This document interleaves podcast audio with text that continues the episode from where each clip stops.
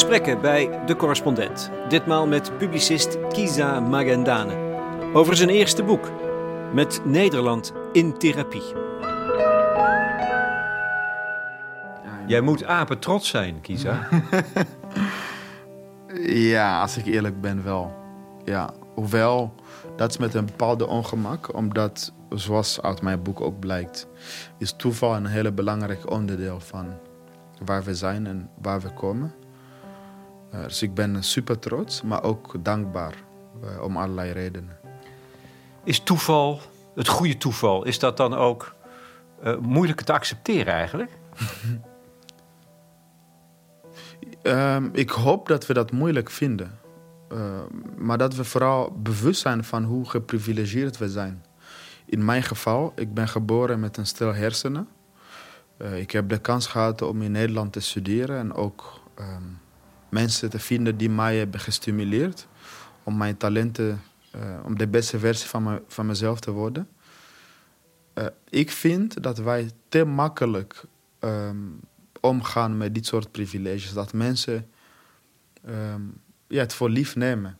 En, en, ik hoop dat wij dat goede toeval, dat het ons wat ongemakkelijk mag maken.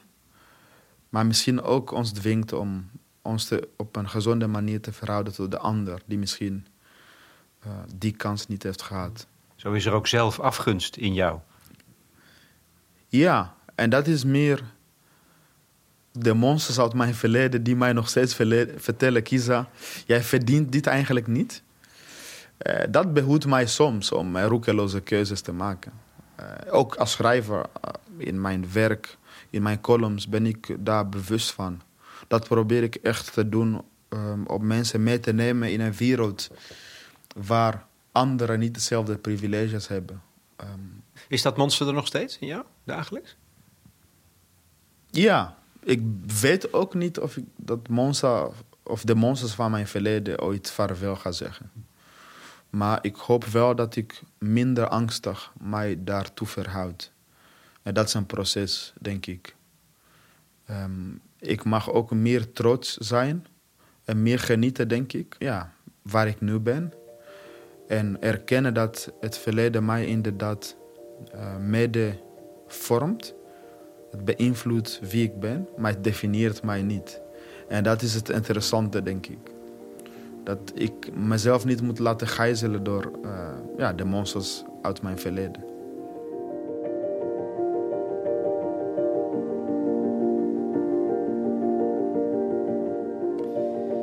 Kiza Magandane vluchtte als puur van 15 uit zijn geboorteland Congo. Zijn weg voerde via een vluchtelingenkamp in Tanzania uiteindelijk naar Nederland. Een buitengewoon zwaar parcours. Inmiddels, 15 jaar later, is hij bezig om uit te groeien tot een opinieleider. Onlangs startte hij met een column voor NRC Handelsblad en publiceerde hij zijn eerste boek, Met Nederland in Therapie. In de heftig gepolariseerde debatten over Nederland, over insiders en outsiders, racisme en slavernij, waar de kampen lijnrecht tegenover elkaar staan, neemt hij een ongewoon standpunt in. Tussen de partijen in. Diplomatiek, evenwichtig. En precies dat is voor mij de reden om een gesprek met hem aan te gaan. Een goed gesprek met iemand die je visie kan veranderen. Misschien, zeg ik tegen hem, vind ik dat wel het mooiste aan zijn boek. Die evenwichtigheid. Diep van binnen heeft het misschien te maken met karakter. Dan komen wij weer op toeval. En als we het hebben over diversiteit in het publieke debat in ons land, dan moeten we ook nadenken over de verschillende karakters van mensen die bijdragen aan dat mooie Nederland.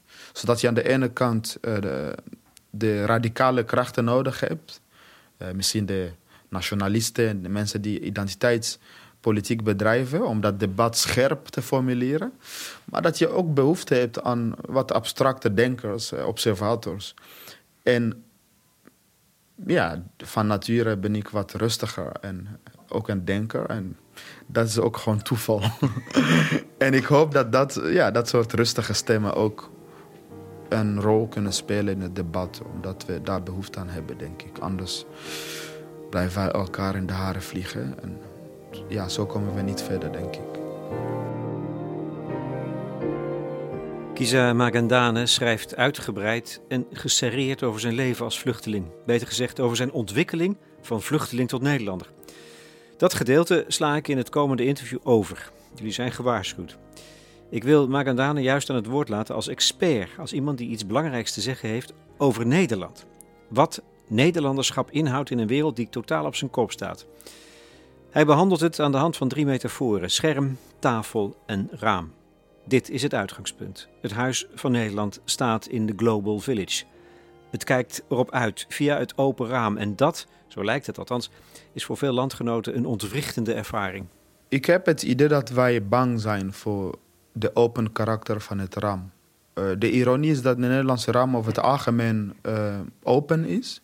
Dat je als buitenstaander kan kijken wat er binnen gebeurt en andersom. Geen gordijnen? Geen gordijnen. Dat vertrouwt onder andere vertrouwen uit. Uh, dat je weet wat zich afspeelt. Of een illusie van vertrouwen. Maar ook uh, gelijkheid. En uh, dat tegelijkertijd dat Nederlandse raam um, leert ons ook um, om bewust te zijn van het feit dat wij verbonden zijn met de buitenwereld. Uh, dus het, het, raam, net als burgerschap, snijdt aan twee kanten. Dus, als mensen zien wat zich in het huis afspeelt uh, door dat transparante raam, ehm, dat laat hun zien dat ze er niet bij horen. Dus die open karakter sluit dus ook uit. Dat is de ironie. En ik heb het gevoel dat wij in Nederland nog steeds. Um, ja, wij verkeren een soort escapisme, heb soms. Dat we niet willen kijken wat er aan de buitenkant gebeurt. In mijn boek beschrijf ik dat. Dus als aan het rand van het huis brandt het vuur.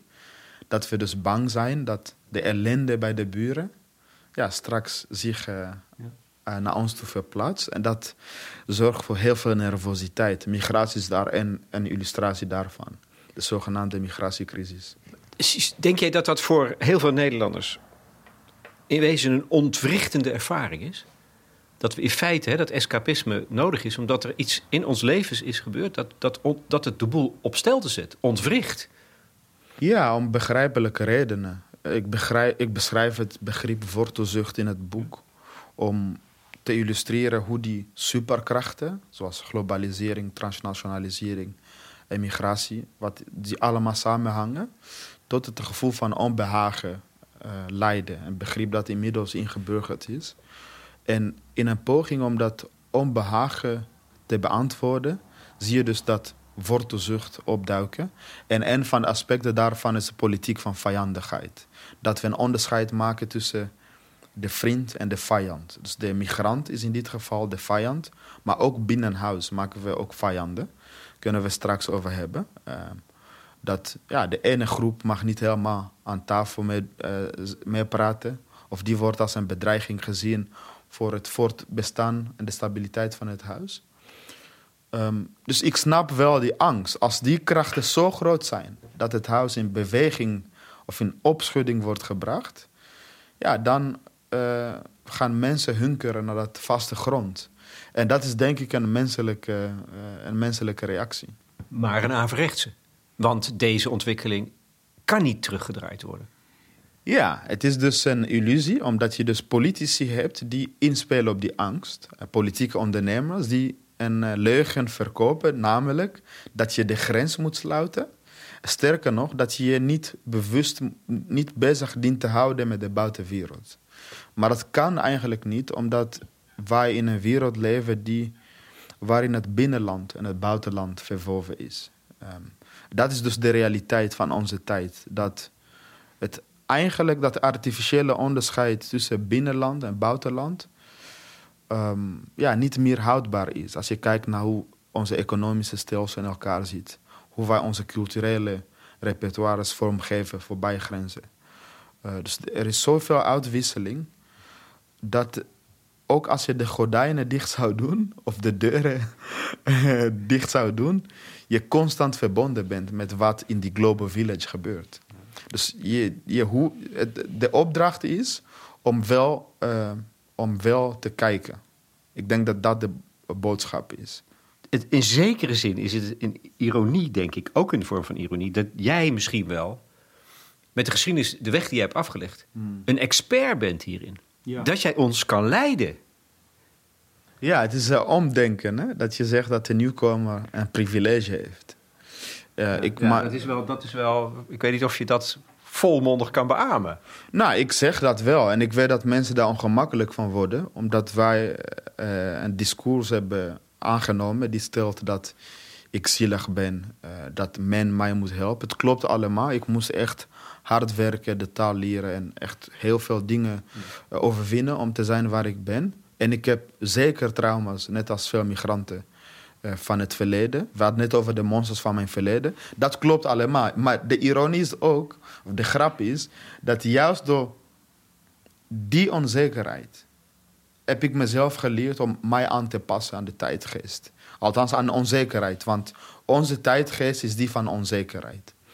En ik denk dat in, in plaats van onszelf wijs te maken dat we die zekerheden um, kunnen koesteren, we ook moeten leren te leven met onzekerheid. En wie kan anders ons dat, ja, door die onzekerheid gietsen dan de ervaringsdeskundige? En dat is de nieuwkomer. Ja, die is dat misschien het grootste trauma, die zijn thuis kwijtraakte.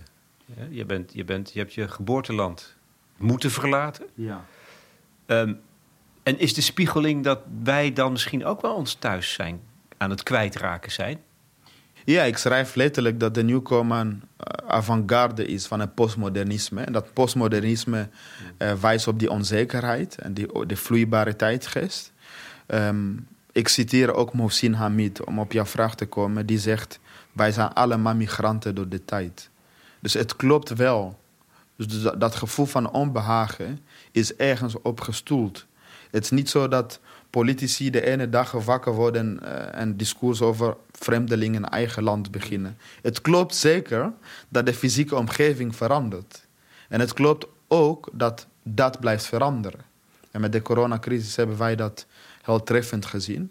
Dat je de ene dag naar bed kan en de volgende wakker dag wakker worden in een wereld die echt compleet is veranderd. En dat is inherent aan onze tijd. Het komt eigenlijk op neer dat doordat de wereld om je heen verandert, doordat de fysieke ruimte verandert, de samenstelling van de bevolking, dat je dat gevoel van vervreemding ook kunt ervaren. Alleen, eh, doordat je daar niet bewust van bent, uh, uh, heb je niet de behendigheid van een migrant die uit noodzaak wel moest migreren en een nieuw thuis moest bouwen. En eigenlijk zeg ik, we moeten, nieuw, ja, we moeten dat huis blijven hervormen.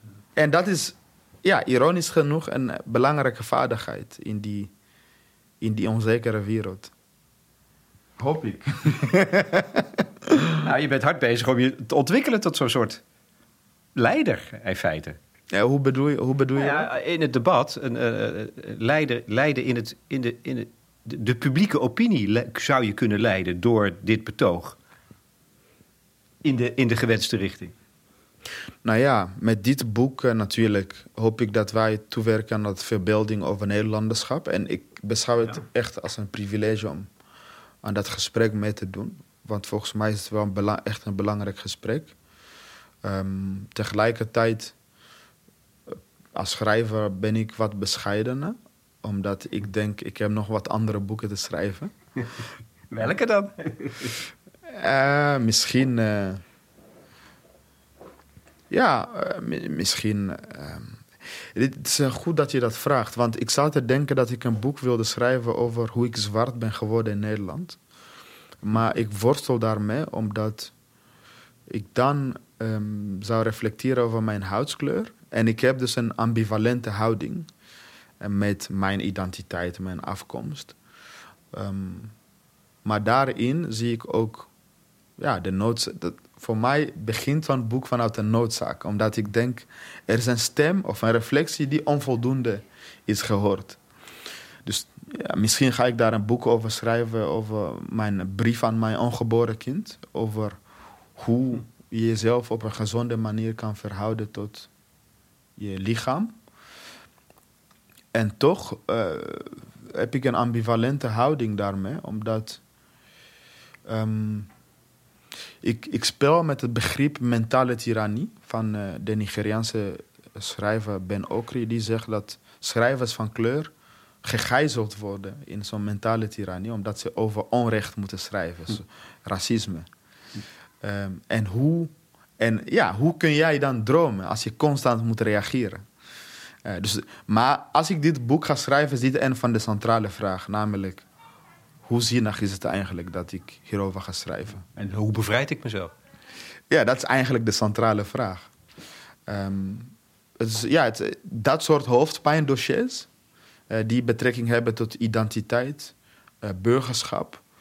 Um, daar zie ik, mij, zie ik nog meer boeken over schrijven. En daarom ben ik dus huiverig om mezelf te manifesteren als een leider op een specifiek onderwerp. Uh, maar ik hoop wel dat zo'n boek een eigen leven gaat leiden.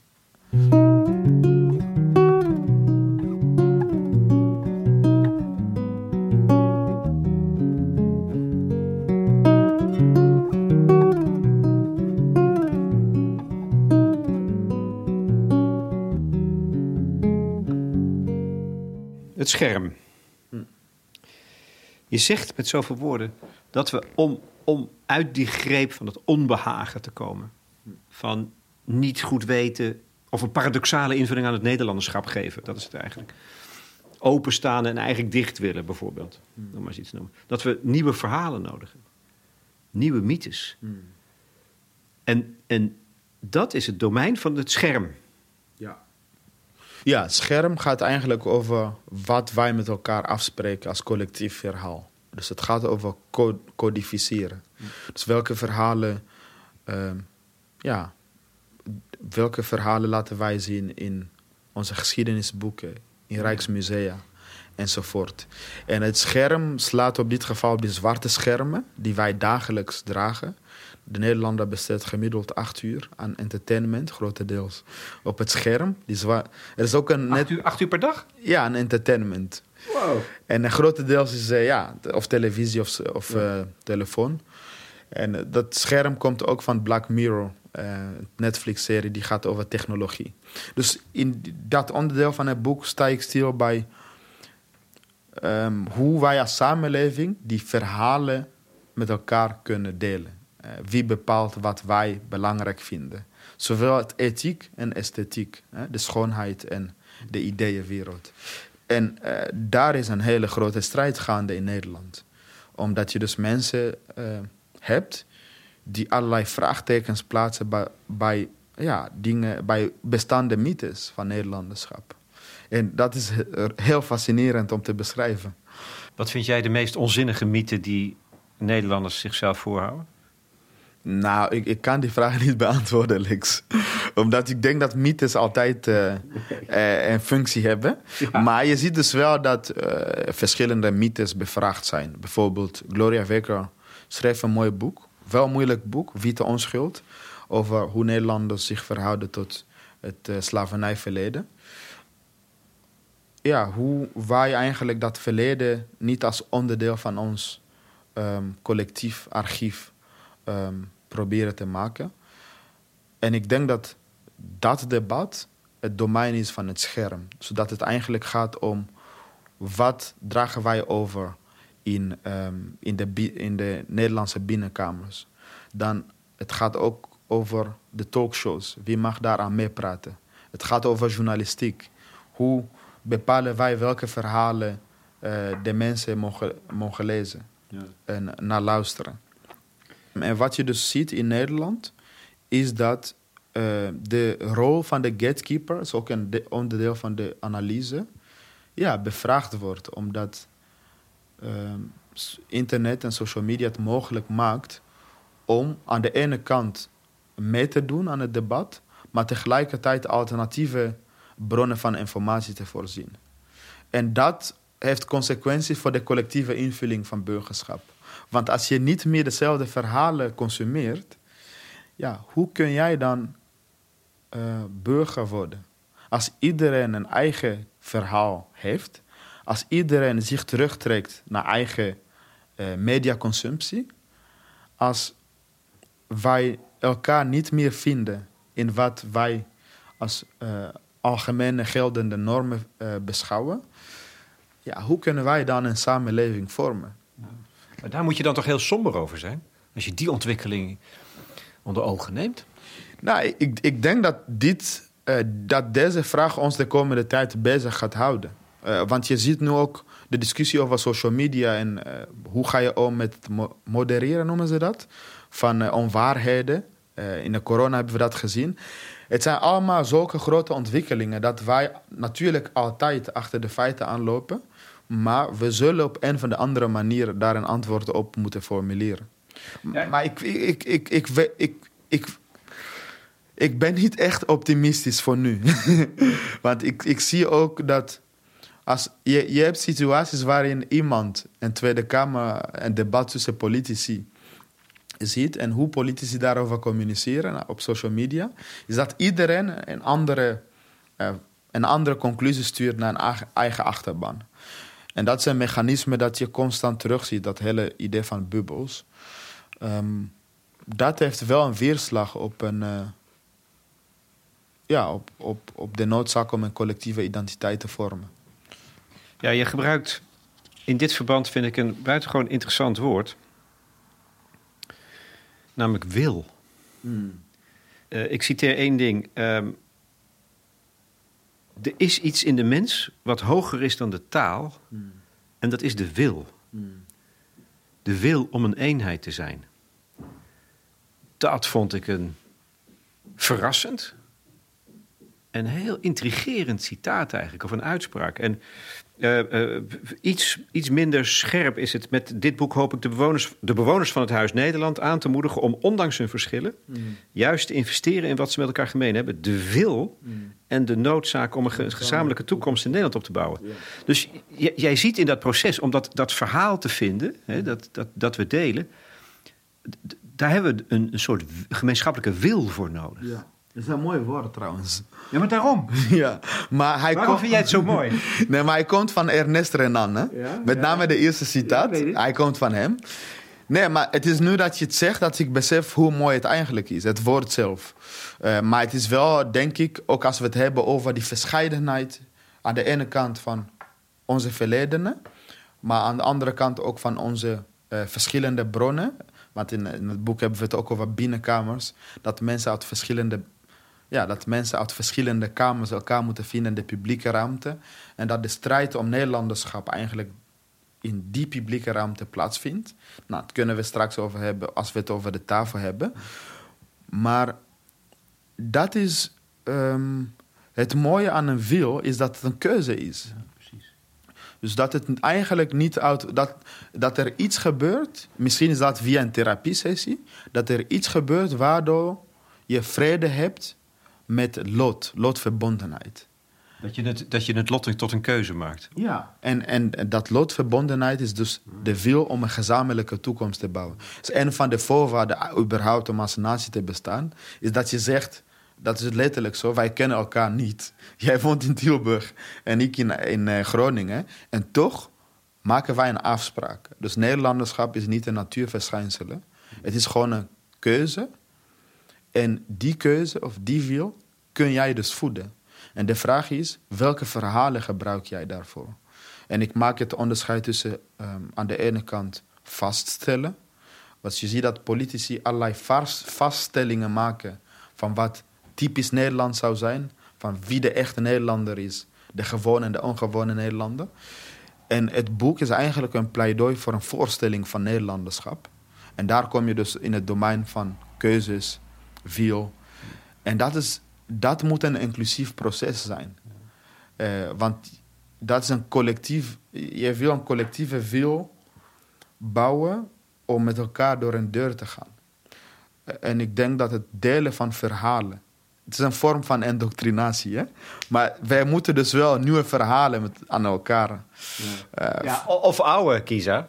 Even, overigens, ik, ik, ik, dat element van wil, hè, kiezen denk ik in parallel, maar dat gaat jouw boek niet over, maar misschien toch ook wel een beetje, is, zit ook in liefde, denk ik. Hmm. Is dat niet zo? Is, het niet, is, is wil, hè, zoals jij het omschrijft, ook niet een wezenlijk bestanddeel van liefhebben? Jeetje, liefde is wel een groot woord, omdat uh, wil is in dit geval best wel pragmatisch. Okay. Omdat je hoeft iemand niet lief te hebben, Maar de voorwaarde is dat we willen elkaar niet elkaar in de haren vliegen en elkaar de kop inslaan, maar wel in harmonie leven. Dus het gaat om wederzijdse vertrouwen en respect, op zijn minst. En het is gewoon een pragmatische. Uh, het is meer een noodzaak eigenlijk. De wiel is echt een noodzaak om samen te leven. Een, gezamenlijke wiel in ieder geval. is echt een noodzaak. Nee, maar ik, ik vraag het omdat we liefde zien we vaak ook als iets, net als het Nederlanderschap, als iets wat een soort, ja, uh, moet zeggen, dat overkomt je als een, als een natuurgeweld. En dat is, dat is dan, voor de rest van je leven is dat zo. En dat, is, zit, iets, eh, dat zit diep in je identiteit. Ja. Terwijl, dat is dus niet zo. Uh, denk ik zowel bij het een als bij het ander. Ik, ik, ik probeer het uit, omdat het misschien langs die weg iets, iets, iets, iets te verduidelijken over hoe je dat ziet. Dat, dat, daar zit ook altijd volgens mij een keuzeelement in. Ja, ja, precies. Nu snap ik jou. Sterker nog, liefde moet je voeden. Ja. Uh, en in, in mijn boek blijkt dat ook. Dus, want aan de ene kant gaat het over mijn poging om een Nederlander te worden, wat ik beschrijf als een reis van een vluchteling naar een burger. En ik gebruik niet, niet voor niets het metafoor van een huwelijk. Uh, ik, ik, kan het misschien hier halen, in, want er is een intermezzo hier uh, in mijn boek. Uh, om tot een huwelijk te komen, doorlopen twee mensen verschillende fases. Mijn besluit om een Nederlander te worden veronderstelt dat ik Nederland en zijn bewoners door en door heb leren kennen. Het tegenovergestelde is ook het geval. Ik heb mezelf blootgegeven voor Nederland en de Nederlanders. Eerst was er een ontmoeting, later volgde een kennismaking, daarna verliefdheid. Nu rest nog de ring, het paspoort als een ultieme vorm van verbindenis tussen Nederland en mij. En in het boek speel ik ook met dat metafoor van een huwelijk. Uh, en dat gaat ook nooit helemaal vanzelf. Nee, je moet het voeden. In mijn geval moest ik keihard werken. En uh, totdat ik, ik, met een ring. En, en precies dat kan je niet zonder dat je het ook wilt. Ja, en dat is dus fascinerend. Van, uh, maar ik, ik denk dus dat je dat kunt voeden. Want in dit geval, als ik niet naar het café was gegaan, in, een, in het theoretische geval dat ik mijn geliefde ontmoet, ja, die was niet eh, random naar mij thuis gekomen. Of als ik niet die datings-app had gedownload. Het begint ergens. En in, jouw metafoor van liefde, dat kun je dus wel vertalen uh, naar Nederlanderschap. En overigens vragen mensen ook aan mij: is dit boek een liefdeverklaring voor Nederland? Nou, ik hoop dat uh, verschillende Nederlanders, ook met Nederlanders met migratieachtergrond, ook die wil, ik wil liefde niet ontwikkelen. In ieder geval Nederland liefhebben en bereid zijn om samen met anderen dat nog mooi uh, in te vullen. Ik zie het gelukkig al nu gebeuren. Dus als mensen vechten tegen Zwarte Piet, dan doen ze dat eigenlijk omdat zij zeggen: Wacht even, dit is mijn land ik wil hier wonen, dus ik wil niet geconfronteerd worden met een karikatuur van mijn lichaam. En dat is eh, hoopgevend, omdat ze daarmee dus anticiperen op leven in Nederland. Ik citeer ook een onderzoek van uh, Kennis uh, Kies, het onderzoeksplatform die de belevingswereld van Nederlanders met een migratieachtergrond onderzoekt. En de conclusie is dat die jongeren hun loodverbondenheid uiteindelijk in Nederland zien. En dat is, dat is een fascinerende ontdekking. Dat wij, dat schrijf ik letterlijk in het boek, door het lot tot elkaar veroordeeld zijn. En daarom moeten wij, ja, dus die wil voeden om een gezamenlijke toekomst te bouwen. Dat is een voorwaarde voor Nederlanderschap. En het komt onder andere vanuit de Renan, uh, Ernest Renan en andere modernistische denkers die eigenlijk stellen de natie, de natiestaat is niet een natuurverschijnsel. Het is gewoon een menselijke keuze. Of het is een sociaal construct. Net als de liefde voeg ik daar dan nog maar eens even voor alle duidelijkheid aan toe. Maar dat willen veel romantici niet geloven, niet waar? Liefde is ook een sociaal construct, zeg jij. ja, voor een deel. Ja, ik ben bang dat je gelijk hebt. Alleen, dat willen we niet weten, want we leven in het concept van de romantische liefde die je overkomt. Ja, en dat doortrekken op de nazistaat zie je precies hetzelfde gebeuren. Dus wat al dat vaststellen of een, uh, een statische invulling van Nederlanderschap, wat veel politici doen, is, uh, ja, het is een romantische leugen om mensen in te pakken. En in dit boek probeer ik dat te doorgronden, te deconstrueren. Misschien komt er nog wel eens een boek over de liefde van jou, Kiezen Magendane. Maar um, als het gaat om uh, in die Op de schermen hebben wij nieuwe verhalen nodig, maar misschien wel oude verhalen. Als, als er iets zit in jouw levensloop wat, wat enige vorm van vastigheid heeft, dan denk ik aan de Bijbel. De Bijbel, dat zag jij terug in het boek. Ja. Ja, Als iets waar jij houvast aan vond, juist. ja sowieso. eh, toen ik naar Nederland kwam, eh, gebruikte ik de Bijbel om de Nederlandse taal te leren. Dus ik had de Statenvertaling dat weten. gebruikt om met mijn Franse Bijbel dat ik meenam de taal te leren. Ehm, maar, maar ik denk ook dat je gelijk hebt. Ik zit nu in zo'n progressieve kring. En progressieve kringen eh, waar de Bijbel bijna geen rol speelt. Ehm, op- in mijn dagelijkse, ba- eh, dagelijks, op dagelijkse basis lees ik de Bijbel ook niet. Eh, maar de laatste tijd ging ik het boek, ehm, eh, hoe heet het, de Prediker lezen. Ja? Eh, omdat ik daaruit haalde dat de meeste dingen die zo nieuw en spannend lijken, zijn niet zo nieuw en spannend. En dat is zo'n confronterende wijsheid. Je hebt nu een opmars van zelfhelpboeken. En meestal grijpen zij terug op die oude verhalen. En nu is dus die vraag: zijn die oude verhalen, inclusief de Bijbel, uitsluitend voor één deel van de eh, wereld, of zijn zij universele verhalen? Ehm, En, en wat is dan jouw antwoord? Prediker, wat is het ook alweer? Ach, ik, ik zoek de zin in mijn, in mijn hoofd. eh. Ijdelheid. Dit is misschien een statenvertaling versie. dat, dit is echt een stadenvertaling. Ja. ja, dat er is niks nieuws onder de zon. Ja, Eh, ja dat, dat is zo'n universele en confronterende waarheid. Ik ben nu als schrijver, eh, heb ik mijn boek uitgegeven en ik heb een column en ik ben super blij. En maanden terug was ik eh, super verdrietig eh, door persoonlijke omstandigheden. In, in al die emoties van blijdschap en pijn, verdriet. Eh, Zo'n boek helpt mij wel om te beseffen, eh relativeer. Ehm, het is een cyclus. Alles gaat voorbij. Ja, en ik weet niet hoe je dit zou kunnen vertalen naar Nederlanderschap. eh, die, die oude verhalen.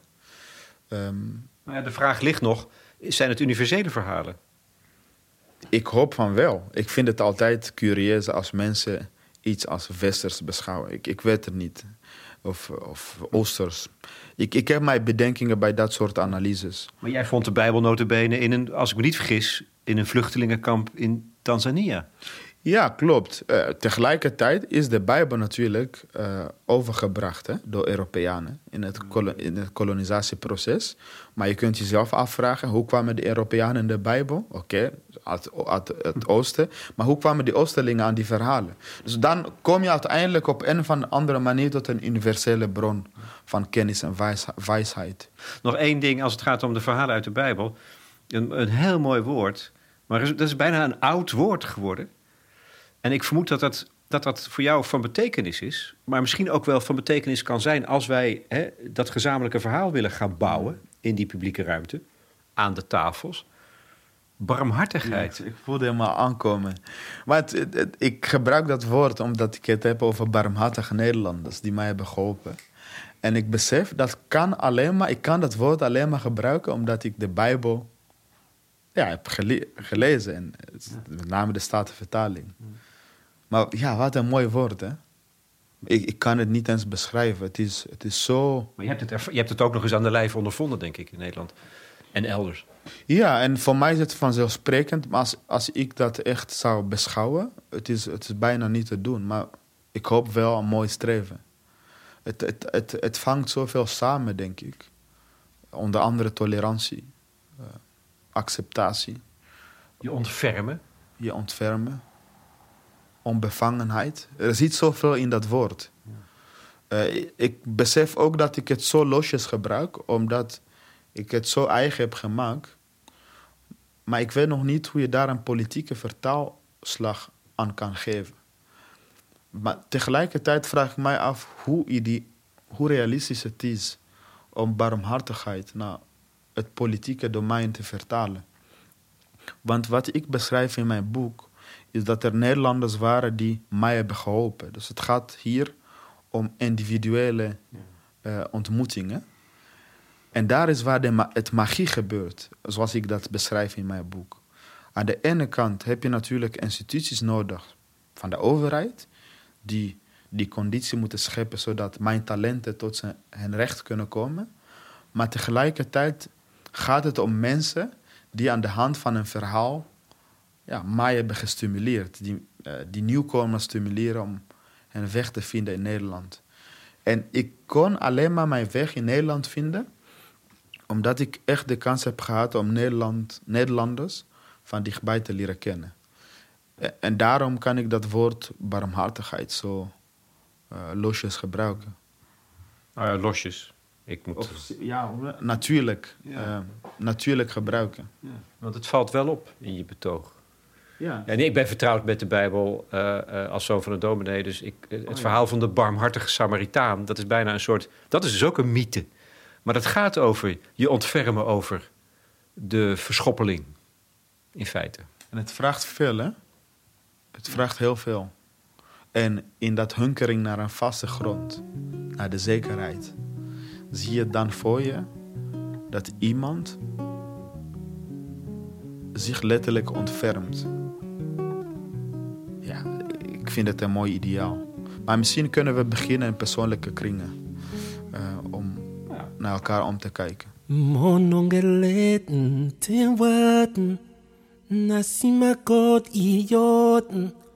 onina wanika, mon puli mwa mutande noten, ukung na ben, me ben a waten, dutu nyimba mule maten, ebukimba mabun ilena oye mona bwa bongo jitown amunja mi inyandolo umbwe ponba meseten mona menwekata kata buka bukato be bebena owaten Now men the kata wiyaten na sivinje na imente no volaruku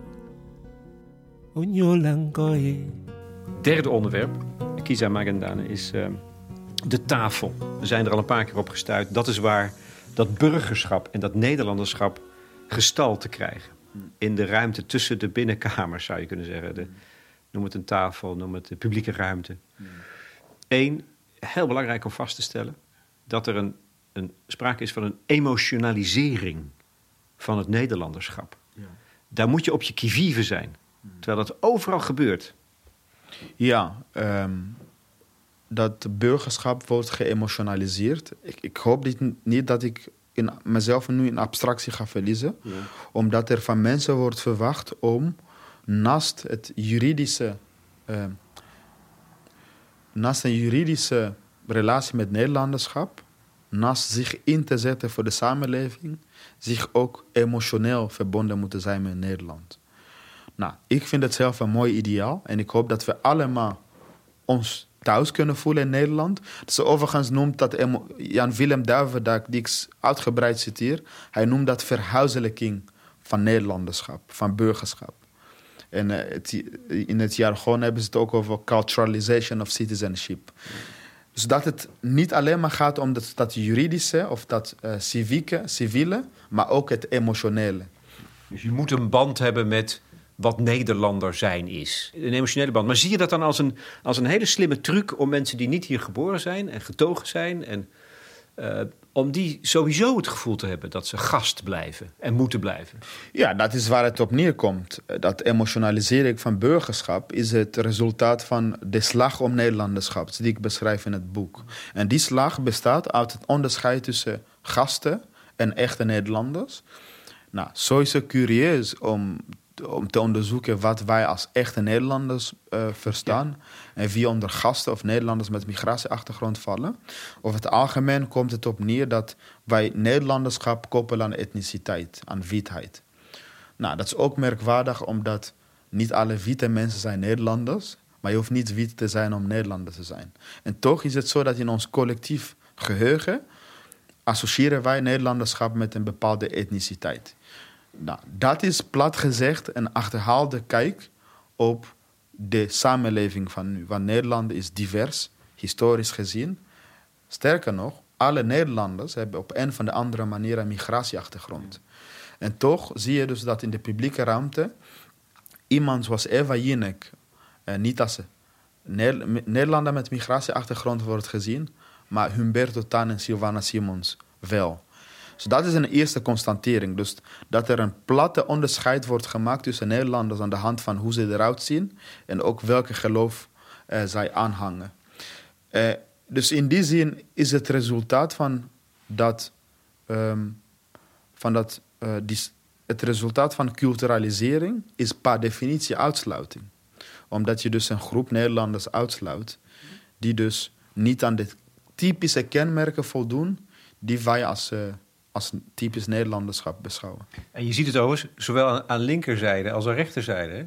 Je hebt een heel hoofdstuk wijtje eraan, een voorbeeld uit de politiek.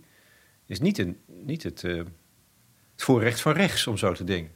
Nee, klopt. Uh, en dat doen politici, uh, bekommeren zich om de burgers. Dus om dat onbehagen te beantwoorden dat we aan het begin van dit gesprek uh, bespraken, zie je dus dat ze allerlei trucjes toepassen om de echte Nederlander in te vullen. En het is altijd, wat zij als antwoord formuleren is altijd uh, arbitrair. Um, en, en begrijpelijk wel is dat ze met een bepaalde mythe komen typische Nederlandse verschijnselen. Maar het is meestal arbitrair en niet echt zo Nederlands. Niet zo exclusief eh, Nederlands. En, en, dus het is wel vanuit een goede bedoeling. Het is wel goed om dat vast te stellen. Vind je dat echt? Ja, want mensen zijn bang in het land. En mensen ervaren een identiteitscrisis. Dus wat doe je als politicus? Is dat jij... Je, je geeft een antwoord. Je bent een politieke ondernemer. Dus, dus het komt vanuit een goede hart. Uh, maar misschien om het wat hm. te expliciteren. Vind ik heel barmhartig hoor, wat je nou zegt. Ja, mijn hele boek is nogal uh, mild. Daar spreekt een wil. Eh, hier, dit is dus typisch kiezer. Hier spreekt in alles de wil uit om bij elkaar te brengen en te komen. Maar ook te begrijpen. Ik, ik geloof, er, is, er zijn natuurlijk opportunisten in de politiek. Maar als het CDA, GroenLinks en het PvdA met allerlei platte invulling van Nederlanderschap komen, dan geloof ik wel dat zij gewoon hun werk doen. Dat zij politici zijn die inspelen op wat er leeft in de samenleving.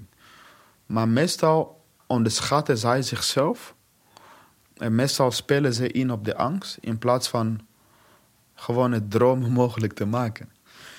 Maar ik moet ook bekennen dat ik niet zoveel vertrouwen heb in beleidsmakers als het gaat om dit soort gesprekken. Daarom schrijf ik dit boek.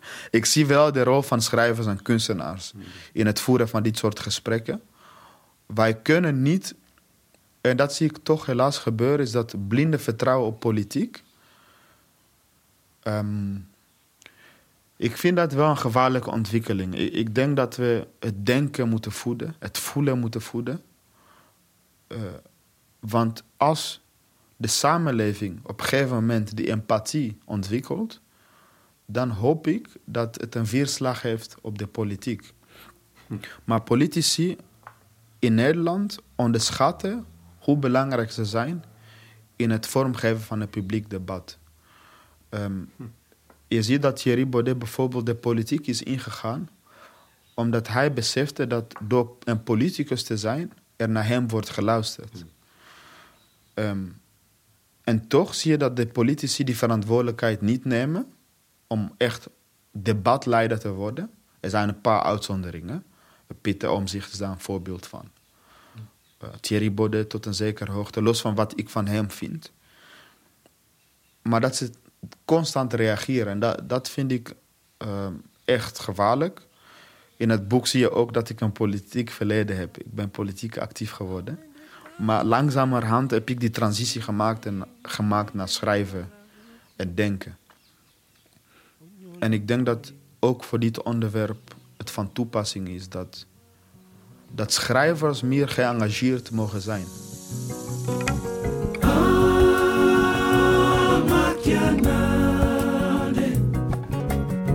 Il bosambo bwe pombo wana dalowina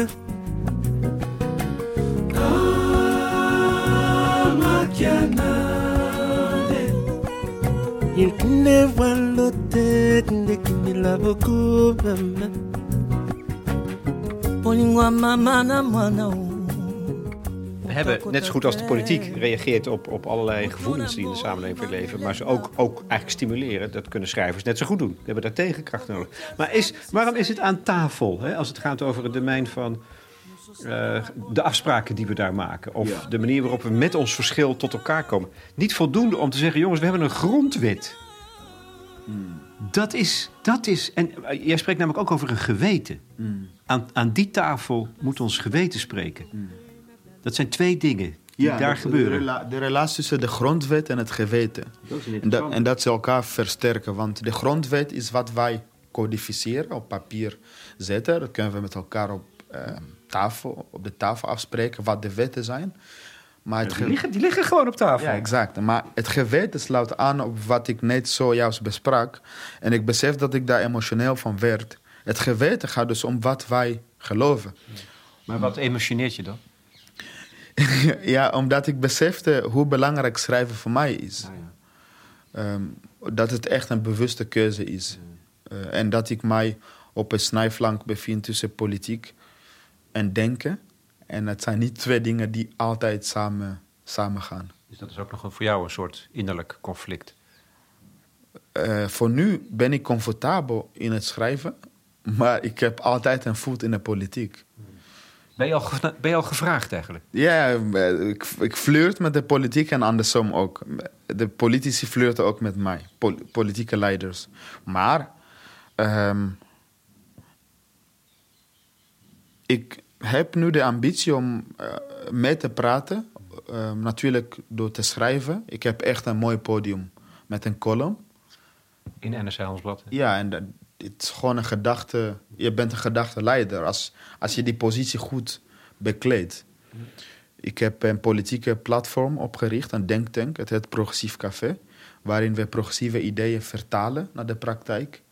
Dus ik ben altijd. Ik zit wel echt met een voet in de politiek. Maar de rol van ehm, reageren op die waan van de dag dat zie, dat zie ik niet gebeuren. Dus mijn ideale situatie is dat we elkaar voeden. Dat de schrijver of de denker de politicus kan voeden. En dan komen wij dat terug bij dat geweten. Want alleen maar als het geweten en de wet in verhouding staan, dan pas kan je verandering realiseren. Je ziet dat bij migratievraagstuk nu in Europa, is dat we hebben universele verkra- verklaring voor de rechten van de mens en ook eh, migratieverdrag, vluchtelingenverdrag. Maar waarom passen we dat niet toe? Omdat er een grote discrepantie is tussen wat op papier staat en het geweten. Een van mijn beroemdste stukken, mijn eerste essay voor NRC heet... Het geweten, ons geweten mag niet stoppen bij de grens. En je ziet dus dat wij hebben met elkaar afgesproken...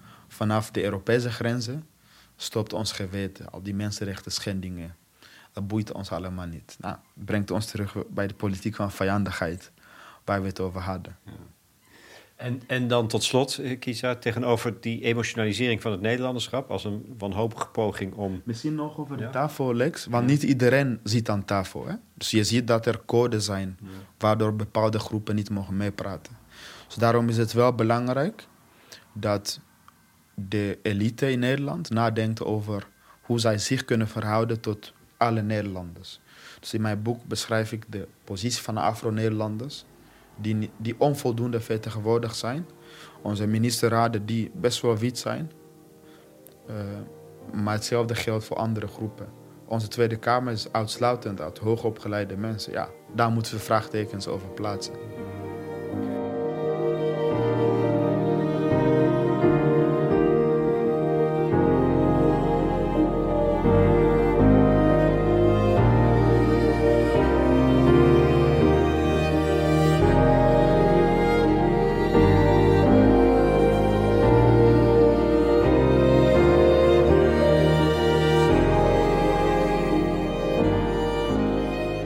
Wat staat er tegenover die emotionalisering of culturalisering van het Nederlanderschap ehm, aan tafel? Dat is, dat is toch ook de moed om een ander Nederlanderschap onder ogen te zien.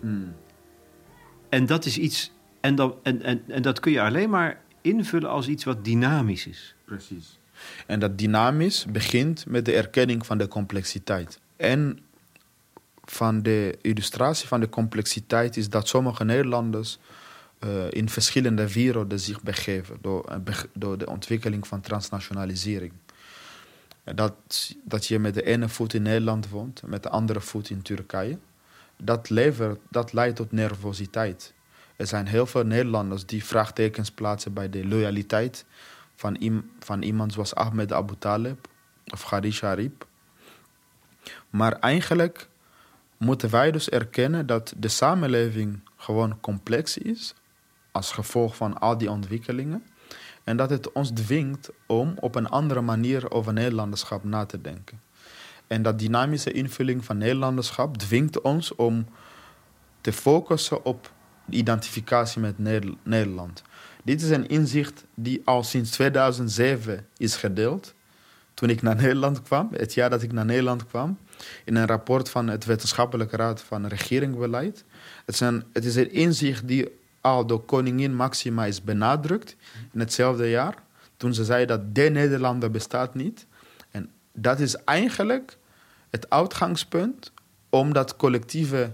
eh, om, om, om, om de wiel te ontwikkelen voor een gezamenlijke toekomst. Dat je eigenlijk erkent, het is, de wereld is complex, de rol en de karakter van Nederland verandert, de samenstelling van de bewoners in Nederland verandert ook, maar wat ons verbindt is Nederlanderschap als een achternaam, als een collectieve achternaam. Dus ik ben net zo min of net zoveel Nederlander als jij. Ja, en dat is het uitgangspunt. Dat van- durf ik bijna niet te zeggen, hè? want ik denk, jij hebt zo'n ander verhaal. Ja, maar het, het is dus dubbel. Want aan de ene kant gaat het om gelijkheid voor de wet, maar aan de andere kant om verschillen.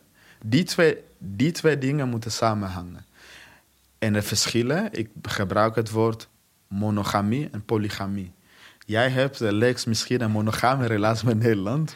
Ja, dat, ik denk dat je dat wel moet zeggen. Ja, Maar ik ben wel heel vaak. Weet je, hè? Nee, ga door. Kan je ook niks aan doen. Maar ik heb misschien een polygame of een polyamoreuze relatie. Om in die termen te denken, want ik wij hebben het over We hebben liefde. het de hele tijd over liefde. een verhouding. maar wat, wat, is, wat zijn de implicaties van die meerdere identificaties? Ehm, in de, op de eerste oog lijkt het alsof iemand met meerdere identificaties, dus met Turkije en Nederland, niet loyaal is. Maar op kort, op lange termijn zie je dus dat eh, mensen uiteindelijk eh, tot Nederland veroordeeld zijn. En dat is een mooi uitgangspunt. Daarom heb ik dit boek geschreven. Dat ondanks onze verschillen zijn wij verbonden in verscheidenheid. En hoe kunnen wij daar invulling aan geven? ik, ik vond dit alweer een stukje van de therapie. Oh ja? Ja, zeker. Ja. en nu ben ik toe aan een Hollands bakje koffie. Oh ja, ik heb koffie voor jou. Ja, nee, ik wilde nog iets over therapie zeggen, omdat ik heb eh, Tanja Yatnanasin aangehaald. Die een uh, LEF-methode heeft ontwikkeld. Eh, dat staat voor luisteren. Dat doe je eigenlijk met jouw podcast constant. Hè? Luisteren, eh, empathie tonen, dus jezelf in de ander verplaatsen en eh, feedback geven. Ehm, ja, ik, vind het een hele mooie principe. Eh, maar ik geloof ook dat er meerdere principes zijn om een gesprek op gang te brengen. En dat is denk ik eh, de opdracht. Dus de centrale vraag is: hoe geven wij, hoe geven wij invulling aan de wil om een gezamenlijke toekomst te bouwen? En welke methodes moeten wij, allemaal, eh, moeten wij daarvoor gebruiken? Dus misschien naast een leefmethode andere methodes. Maar het woord lef is luisteren, empathie en feedback. Dat is wel een fijne om de weg te wijzen, nietwaar? Ja, en ik vind het ook. Moed. Ja, en ik vind het ook mooi dat het een vrouw van kleur is, eh, die eh oud-Kamerlid was. En nu staatsdeelvoorzitter is van Amsterdam Zuidoost. Om naast al die grote denkers, die Ernest Renan, noem maar op, dat zij uiteindelijk mij heeft geholpen in haar werk om. Het is zo'n eh, inzicht. Ik kreeg eh, laatst een grote compliment van, eh, ik weet niet of ik dit mag zeggen, van een grote journalist. Die zei dat hij nu merkt dat hij dit principe toepast. En hij zei ook dat het verplichte kost is voor journalisten. Ehm, Zo'n principe. Dus daar, daarom ben ik blij dat het uiteindelijk mijn boek gehaald heeft. En ik hoop dat het veel Nederlanders ook inspireert. Mij zeker. Ik dank je wel, Kiza. Dankjewel, Lex. En nu koffie. Yes, tijd voor een bakje pleur. Zo goed ben ik weer geïntegreerd.